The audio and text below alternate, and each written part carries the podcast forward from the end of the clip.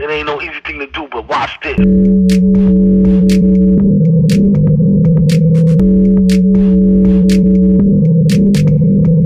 Hi, how are you? Can I can I help you with something? How you doing, man? This is the Safest as Milk podcast, where Adam and I get together twice a month to use bad words to talk about things we like.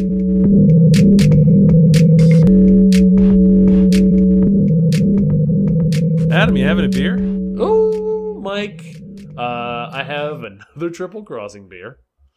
Uh, because that's what I got cans of in the house. Uh, Into the Dark, uh, six percent porter.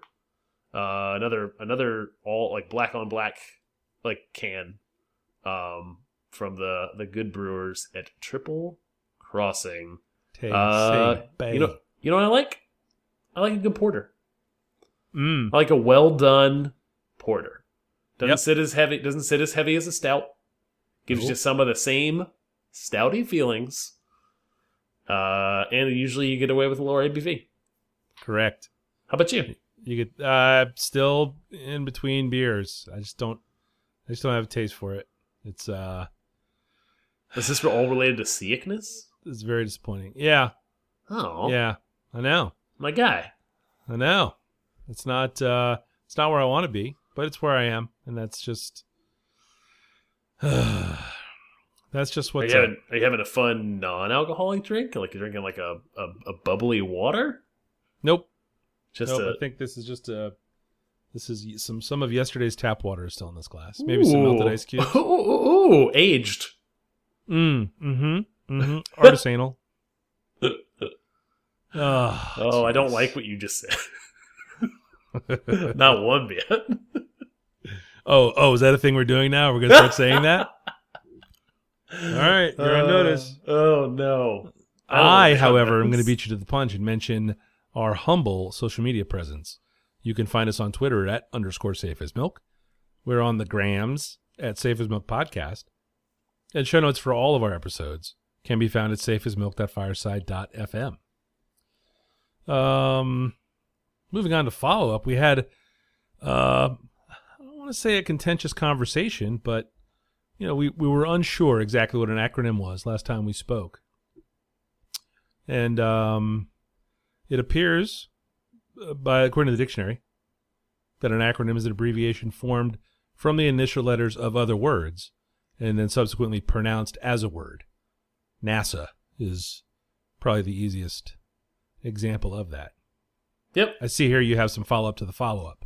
Yeah, I didn't. I, I I went and found the same exact Webster dictionary thing you found.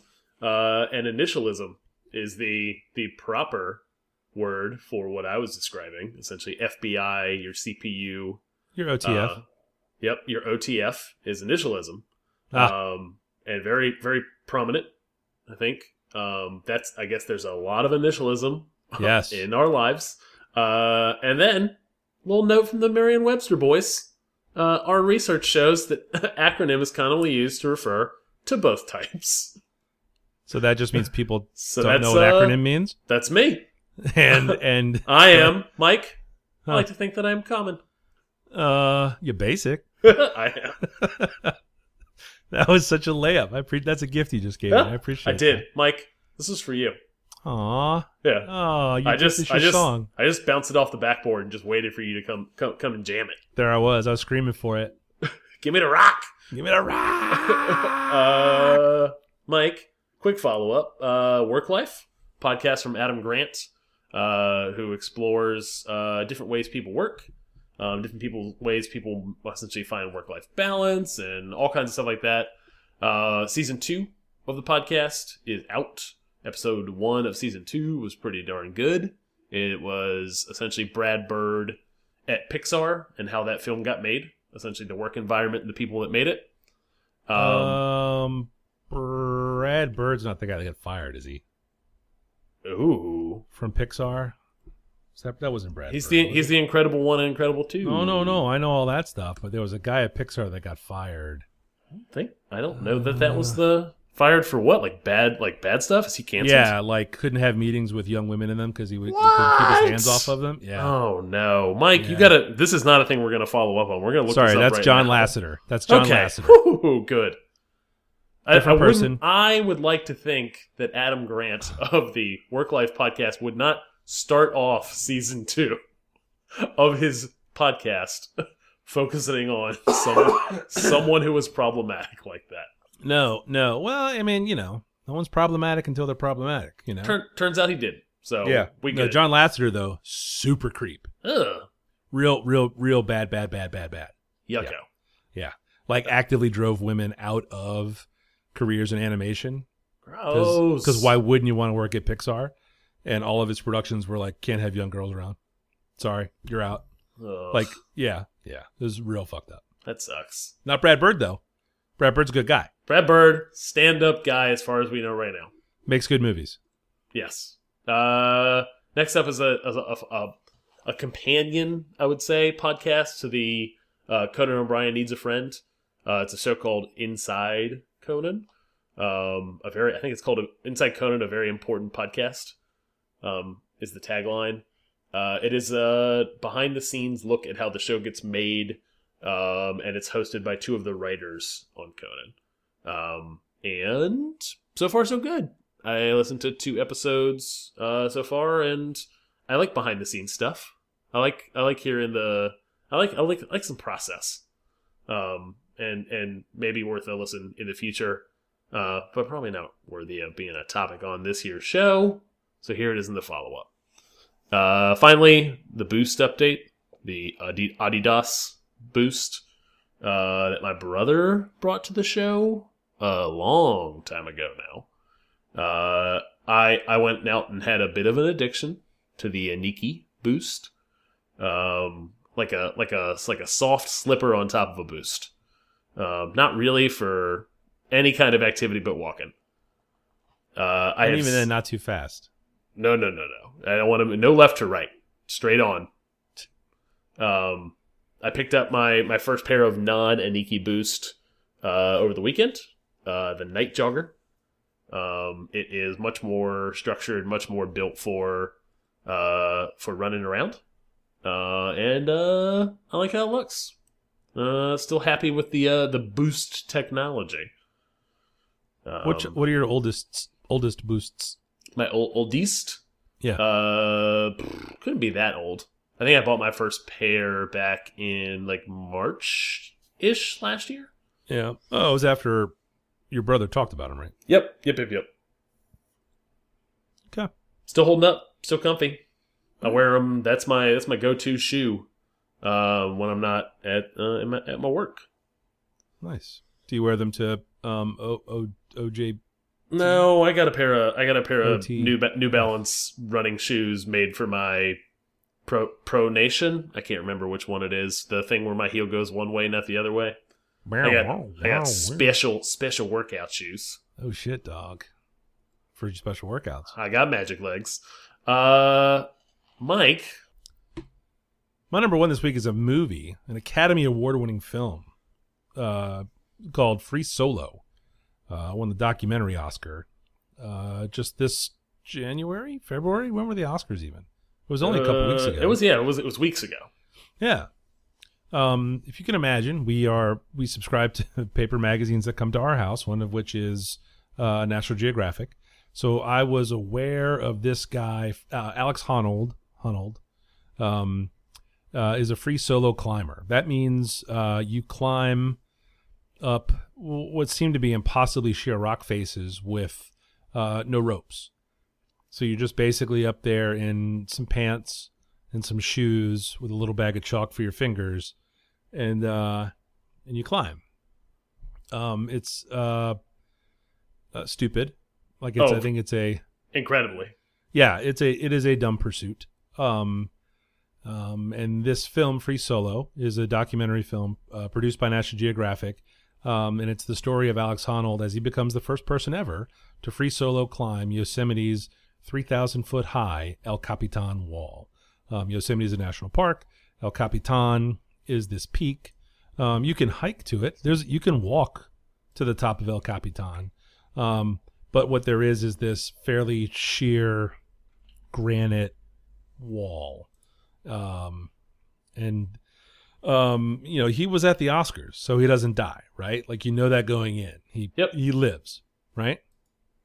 Um, called uh, arguably the greatest feat in rock climbing history. Um, this is by far the most stressful movie experience I've ever had. Um, do you remember B- B- Bone Tomahawk? That movie from Oh yeah. Ooh, You- yeah, you- it was. You, I, I never. I'll be fair and say I never watched it.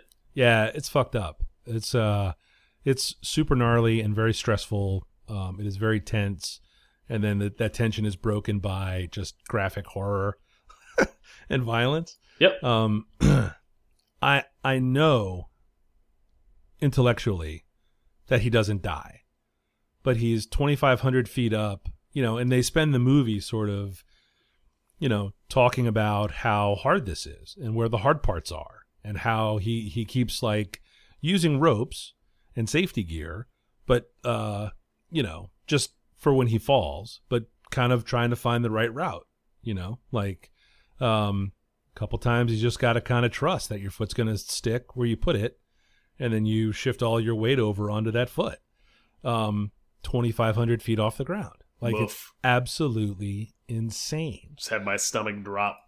Oh, Sounds uh, it's shot unbelievably. Um, are you, obviously you're you're fans of like the Blue Planet, um, Planet Earth, all the Yep. BBC. Oh yeah. this is shot like I mean National Geographic does as good a job on the cinematography as that stuff. Like it's it's absolutely beautiful. It's a stunning part of the country. I've never been. Um, it's on the list. Um, but uh, man, there are some shots where just pit of my stomach just fucking falls away. Like it's un. I.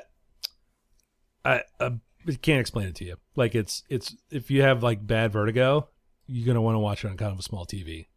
like it's- I don't. it's- I don't. I don't know one of this. It's What, real what, messed up. What What do I do? Um, then you just, I mean, I was hiding behind my hands. I was twisting around in my seat just like I was watching a horror movie. Um, my palm, my palms were sweating like crazy. Like it was, it was just the damn weirdest thing. Um, and I had heard all of that too going in. Um, that it was amazing looking and it will stress you the hell out. And I was like, we'll see about that. And shit, if it didn't, it was, it was just nuts. Um, he's a really odd bird, uh, which you kind of have to be to pursue this at the level that he pursues it. Yeah. They talk about uh, the other people that do this, his contemporaries. Um, they're all dead because there isn't anyone that. That's that's the end point of this activity. Like you, you just keep going until you fall off a giant mountain somewhere. You know, and lots of times, you know, part of the you know, part of doing it for the right reasons is not talking about it or having video of it. So he's Yeah. a little outside the band on that stuff because he has this group of cameramen that he works with. You know, and these dudes are up and down this mountain like crazy. They have a whole series of drones. They got remote cameras set up all over the place. Um, and it's like all of them are like, fuck, man, fuck, fuck, the whole time. Like Yeah. I was in my chair, these guys were, except they were hanging off the side of the fucking mountain. It Yep. was, uh, they're just like, I don't, I don't want to see my friend die. You know, it's like, that's gonna, that'd be a real drag. He's like, and I've filmed him doing stuff like this for years. Did you a, Did you see? Uh, I I became aware of this dude uh, back in I think 2015. There was a New York Times little mini video on him free uh, free climbing or free solo climbing um, another portion of a Yosemite climb, like a 3,000 foot vertical thing. yeah. Um, and uh, so that that was where I became aware of him. And then I have not seen this film, but apparently there's a little companion piece on the New York Times as well. It's like a 10 minute video Yeah. called called "What If He Falls." Ugh. Um, and it's Ugh. a it's inter I think it's interviews with uh, the the guys who make the film, like about their Oh, yeah. anxiety, essentially. Oh. oh, watching him do this climb. Yeah, yeah, and he falls a couple of times, like in the ropes and stuff. Like, like he's talking about is like this. This is this part's tricky. Like, there's two ways to do this. You jump, you know, like you're this ledge you're going for is a big fat ledge. Like, all you gotta do is get your hands on it, and you're fine. But without any ropes, you're just kind of jumping in, and there's nothing but air below you at that point. So if anything goes wrong, Yeah, you're you're fucking splattered. Yeah. Is It's, this uh, is this uh where, where where does one find this movie? if you can imagine, the National Geographic Channel is just playing it oh, like all the time. But we missed one of them, and the next one wasn't for a couple of days. Um, so we ended up renting it through Amazon Prime, maybe okay. three or four bucks. Like, Yep. um, totally worth it. Um, we ended up uh, we we started it the Saturday before daylight savings, um, so we only watched half of it because we kind of had an early start on that Sunday, like fucking morons. Um, but yeah, it is uh, it is very very good and very very very stressful. Um, but man, if your if your tummy can take it, uh, Free Solo is an excellent watch. Mike, my first topic this week uh, is my triumphant return. Three year, three years running down to uh, Hunahpu Day, down in Tampa, Florida. Cigar City's uh, annual beer festival. Um, I have been, like I said, two years prior. I just got back on Sunday, uh, and this one I think far and away the best one so far. Um, uh, some real big like with a with a pin highlight uh, Bern's Steakhouse. Are you familiar with this place? Never all? heard of it. Okay. Nope. Ne- neither, neither had I. Um, uh, one of our one of our party of uh, six total uh, friends who were down to down to go to the festival.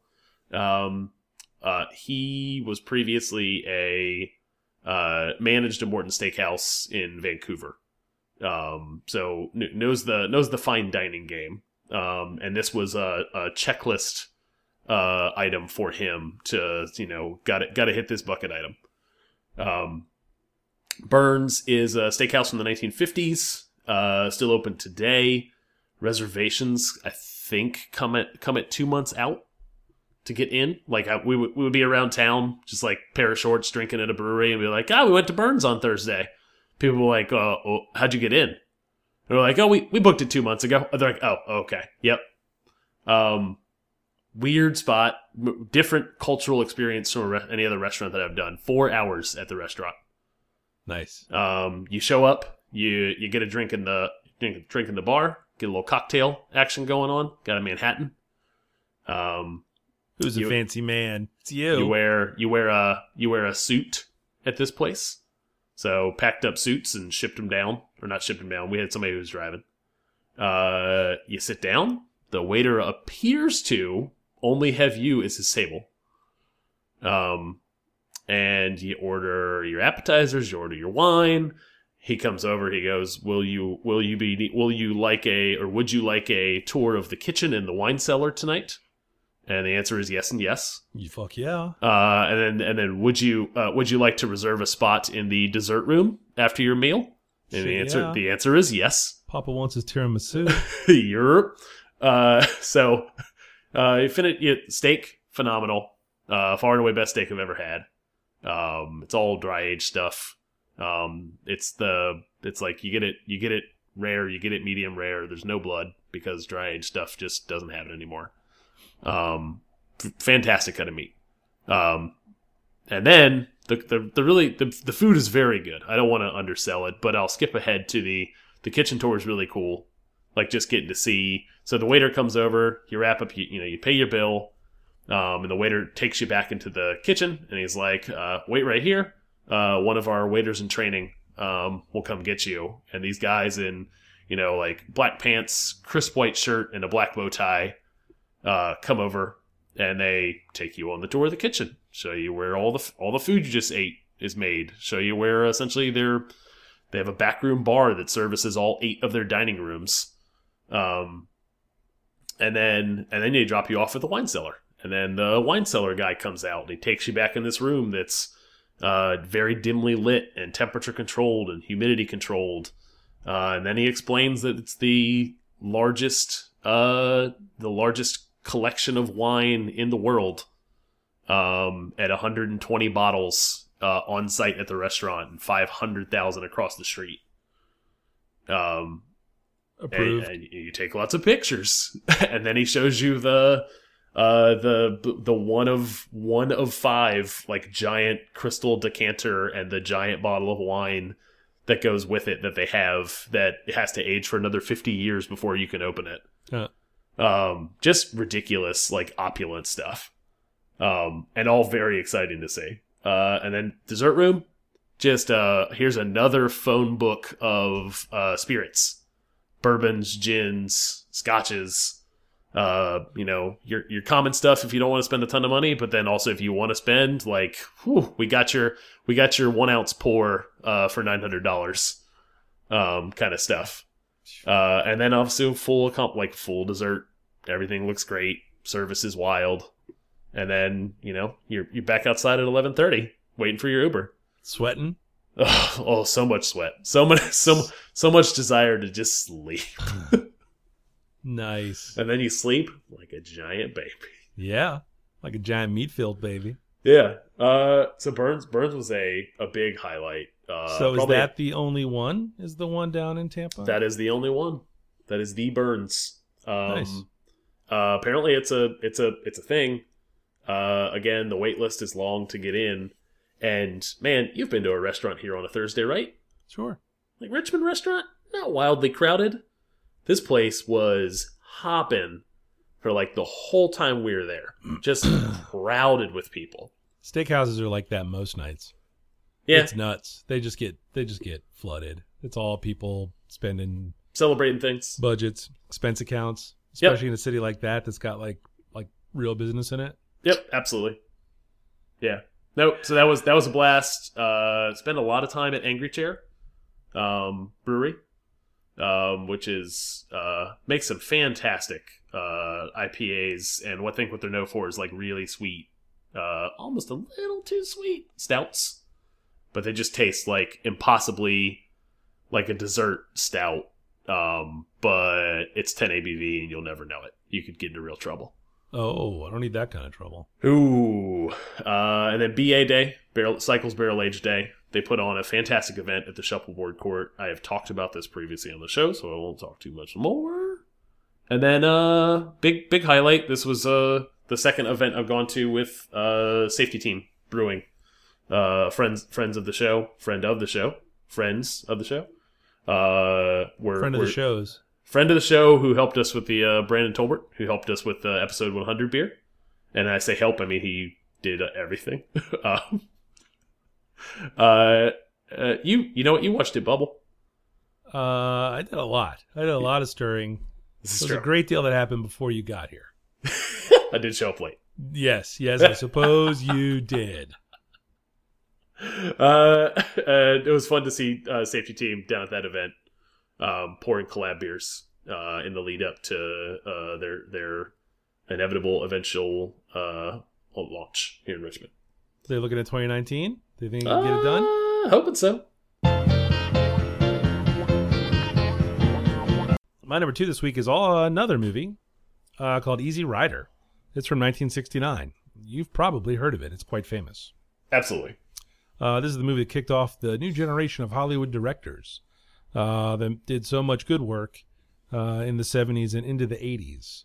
Um, there's an interesting book called Easy Riders Raging Bulls um, that talks a lot about Hollywood and filmmaking in this time.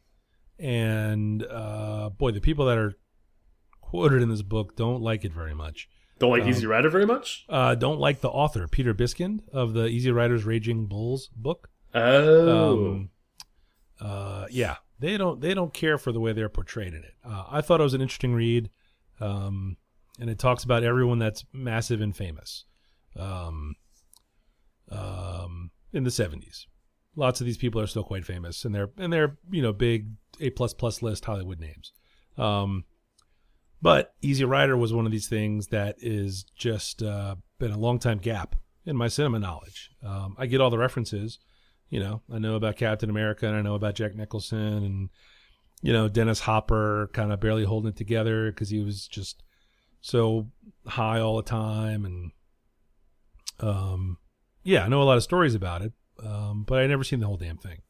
Um, I don't know that it was very good, but I Is can that- see, is that a? So you had not seen this film. This was a. I'm gonna. I'm gonna fill in the gaps. yes, Okay. Yes.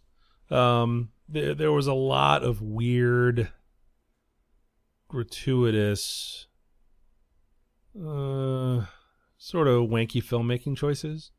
You know, like some of the some of this editing between scenes and stuff was a little it wasn't consistent and it wasn't ended up not being good. Like I could see where he was taking a chance on making it look this way, but it was dumb.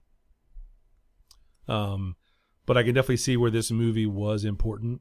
It's not subtle in what it talks about. Like this was, um, um, a contemporary film about this massive generation of kids who were coming into their own. Um, you know, it's it's the baby boomers when they were, you know, in their in their mid to late twenties, right? Yuck. and uh, yeah, exactly. Um, but it's uh, uh, the story's pretty fucked up. It's about these drug dealers who um, hit a massive score and then are taking the money from. Um, uh, they, they sold the cocaine. They sold the cocaine, picked up the cocaine in Mexico, sold it in California, and then we're going to drive to Mardi Gras.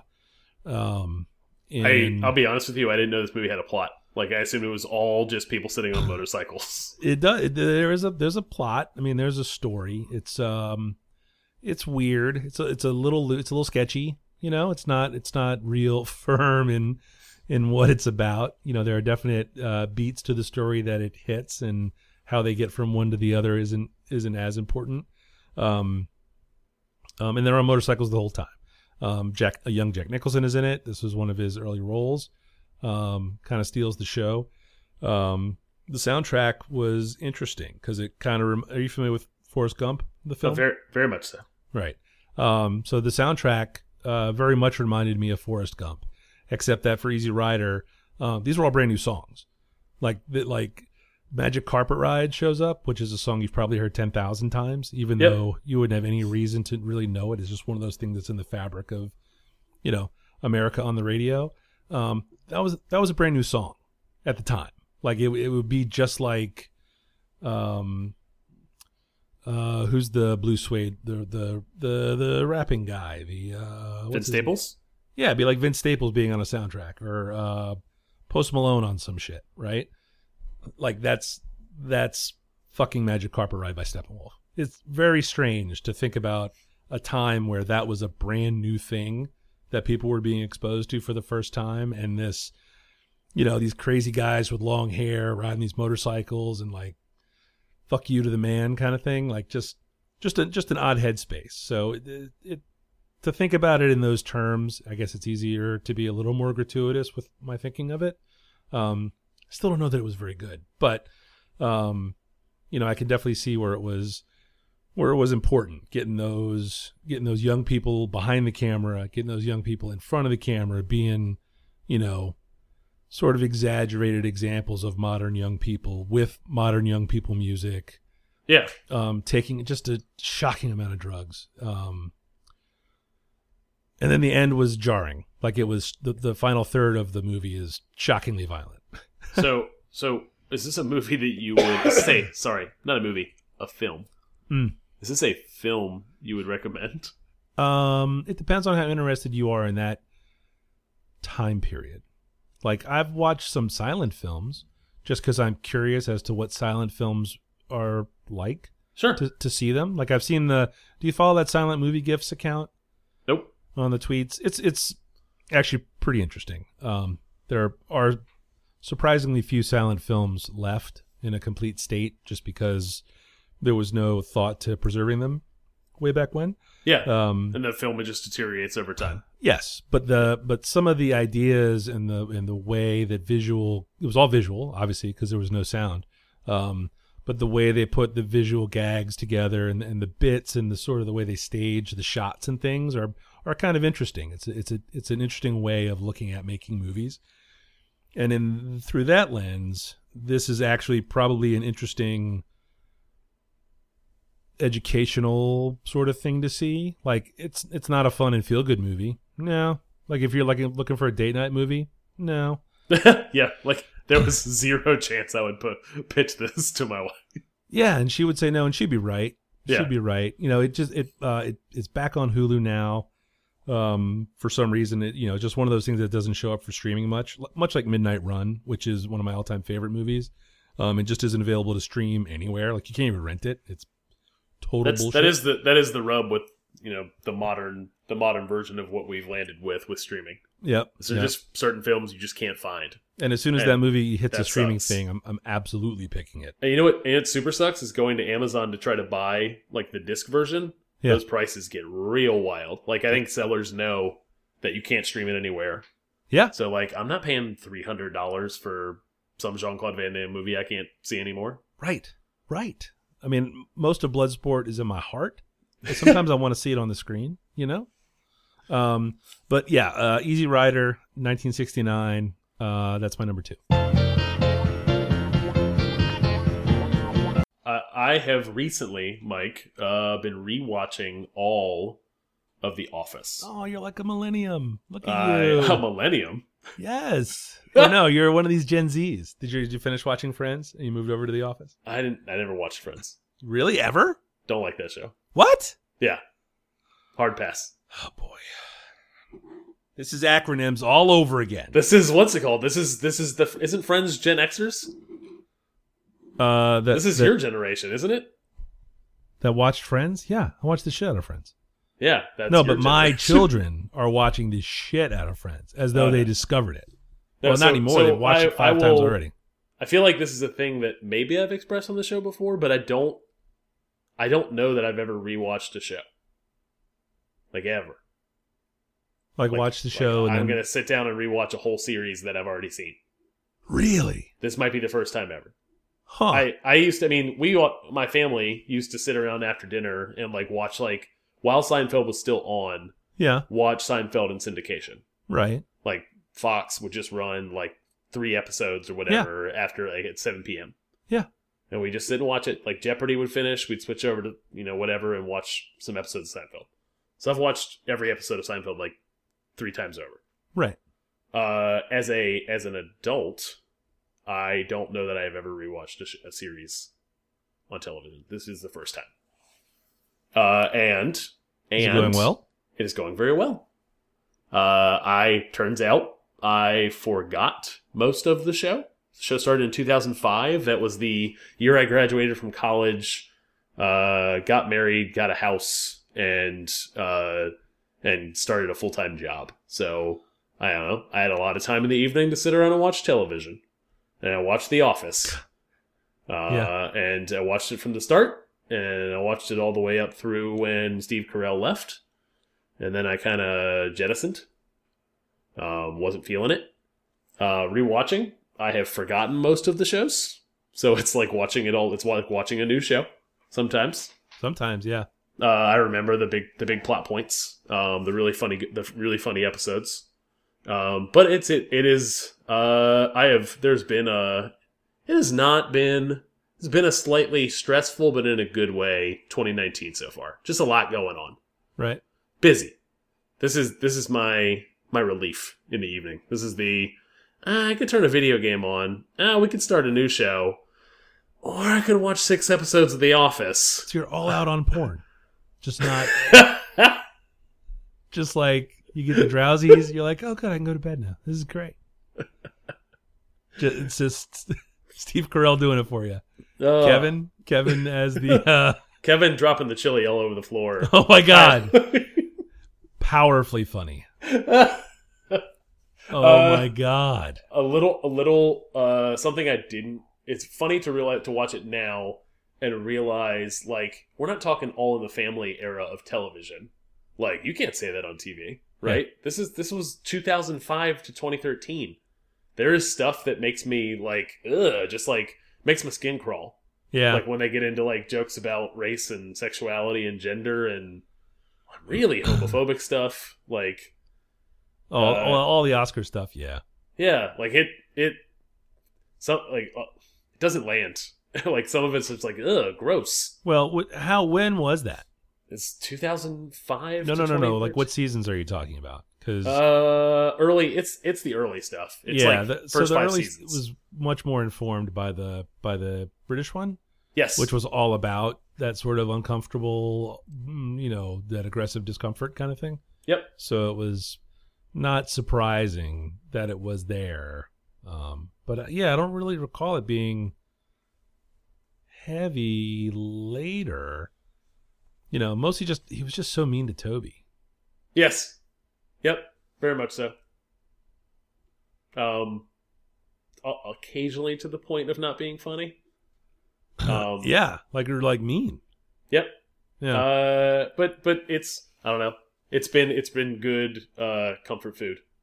Uh, lately the show side the shows are short without commercials. oh yeah, Network television at thirty minutes is nothing on Netflix. Yeah.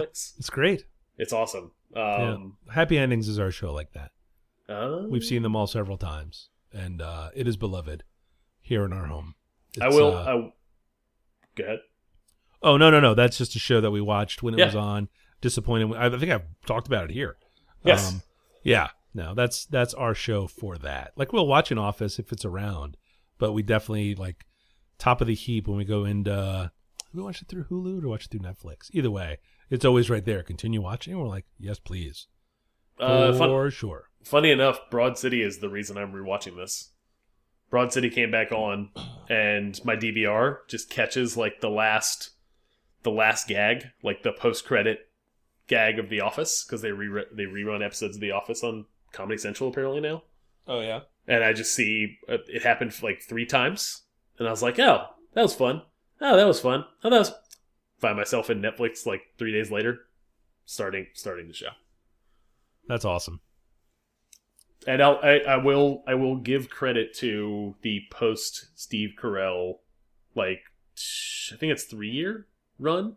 The show kept going three years after he left the show, Yeah. and we we gave up on it. Like when Will Ferrell, like whenever his thing was run, and then you know some other cat came in, and then it was, Wasn't that we- James Spader?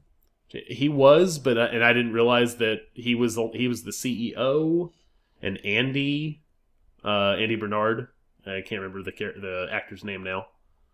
That is, Um, that's his only name. It doesn't matter. Yep. Uh, he he was the Nard Dog. Um, the Nard Dog was the actual boss.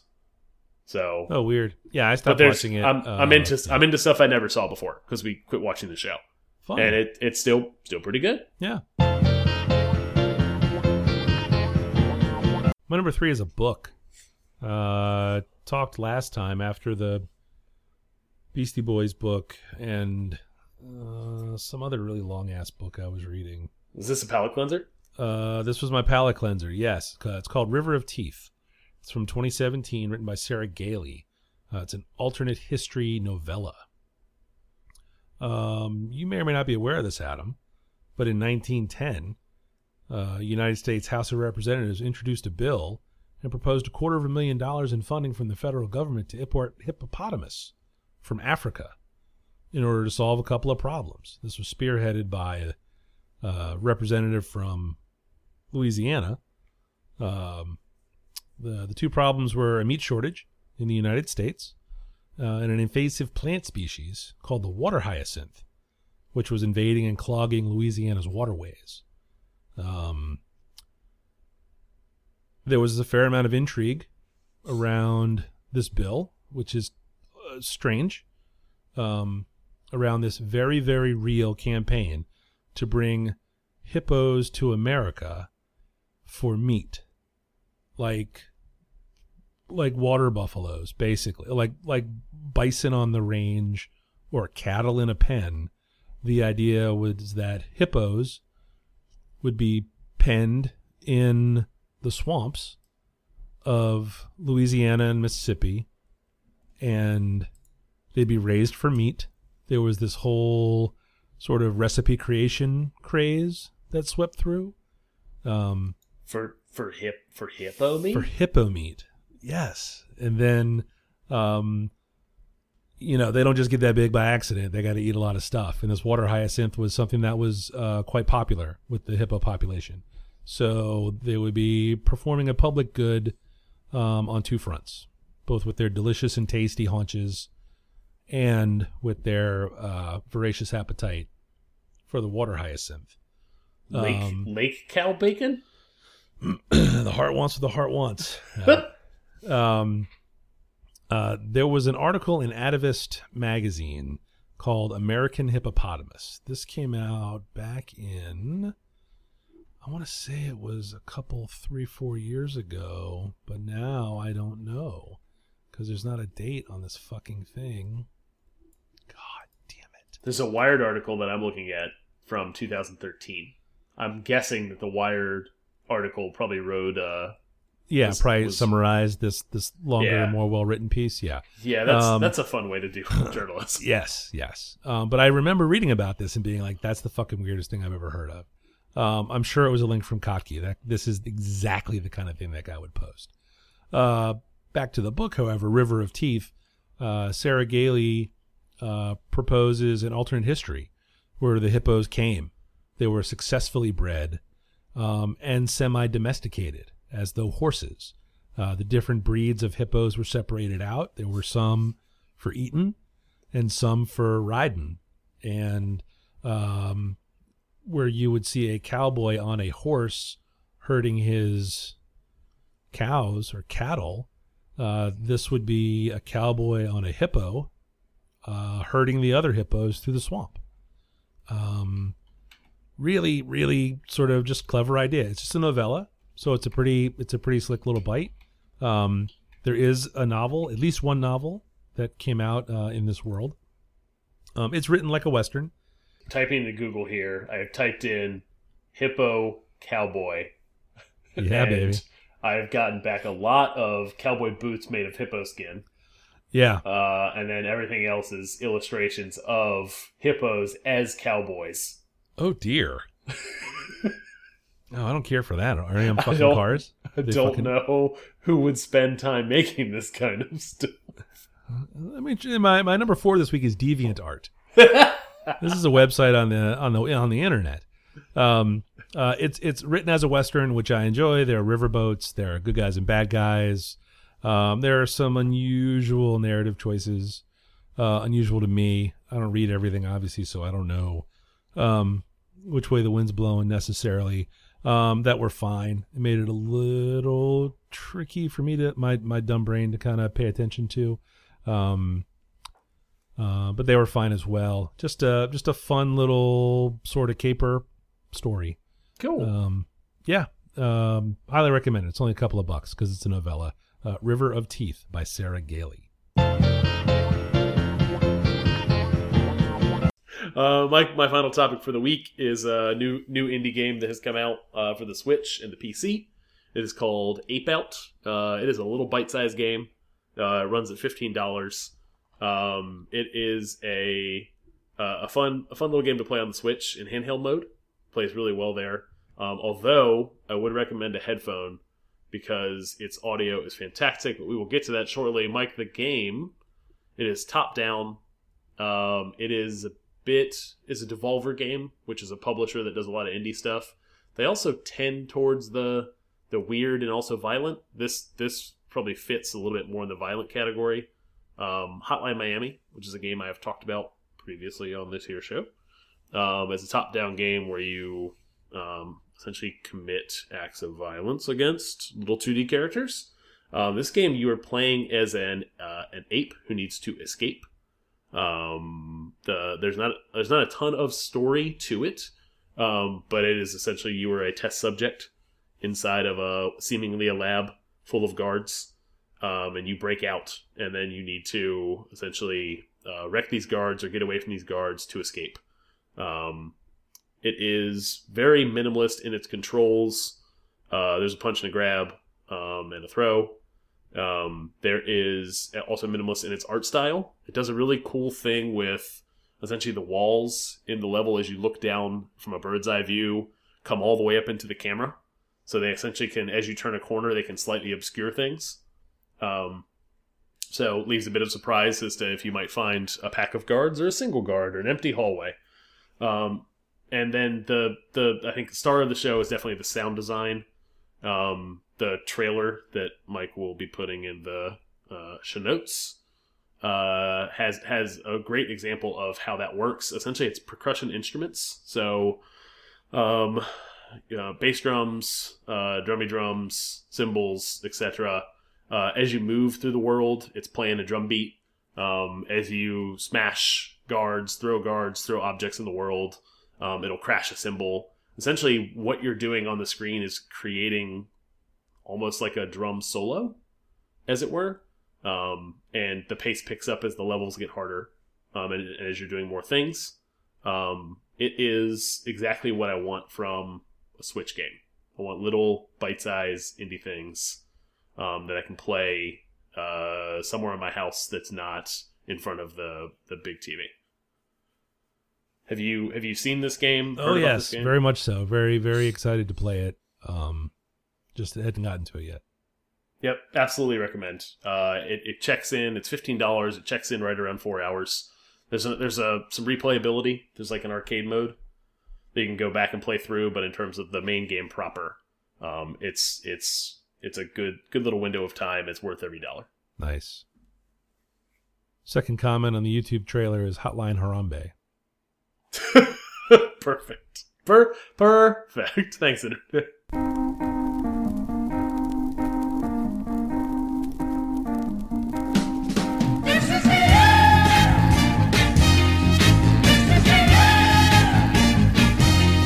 Adam. Michael. Some, someone wanted to to find you on the internet and see what it is you're up to that isn't talking on the internet. Where do they go? Uh, 180lunches.com and 180lunches on Instagram. Mike, how about you? I am F A L F A er damn where. Uh, the gram, the dot com, and the tweets. Thank you for listening.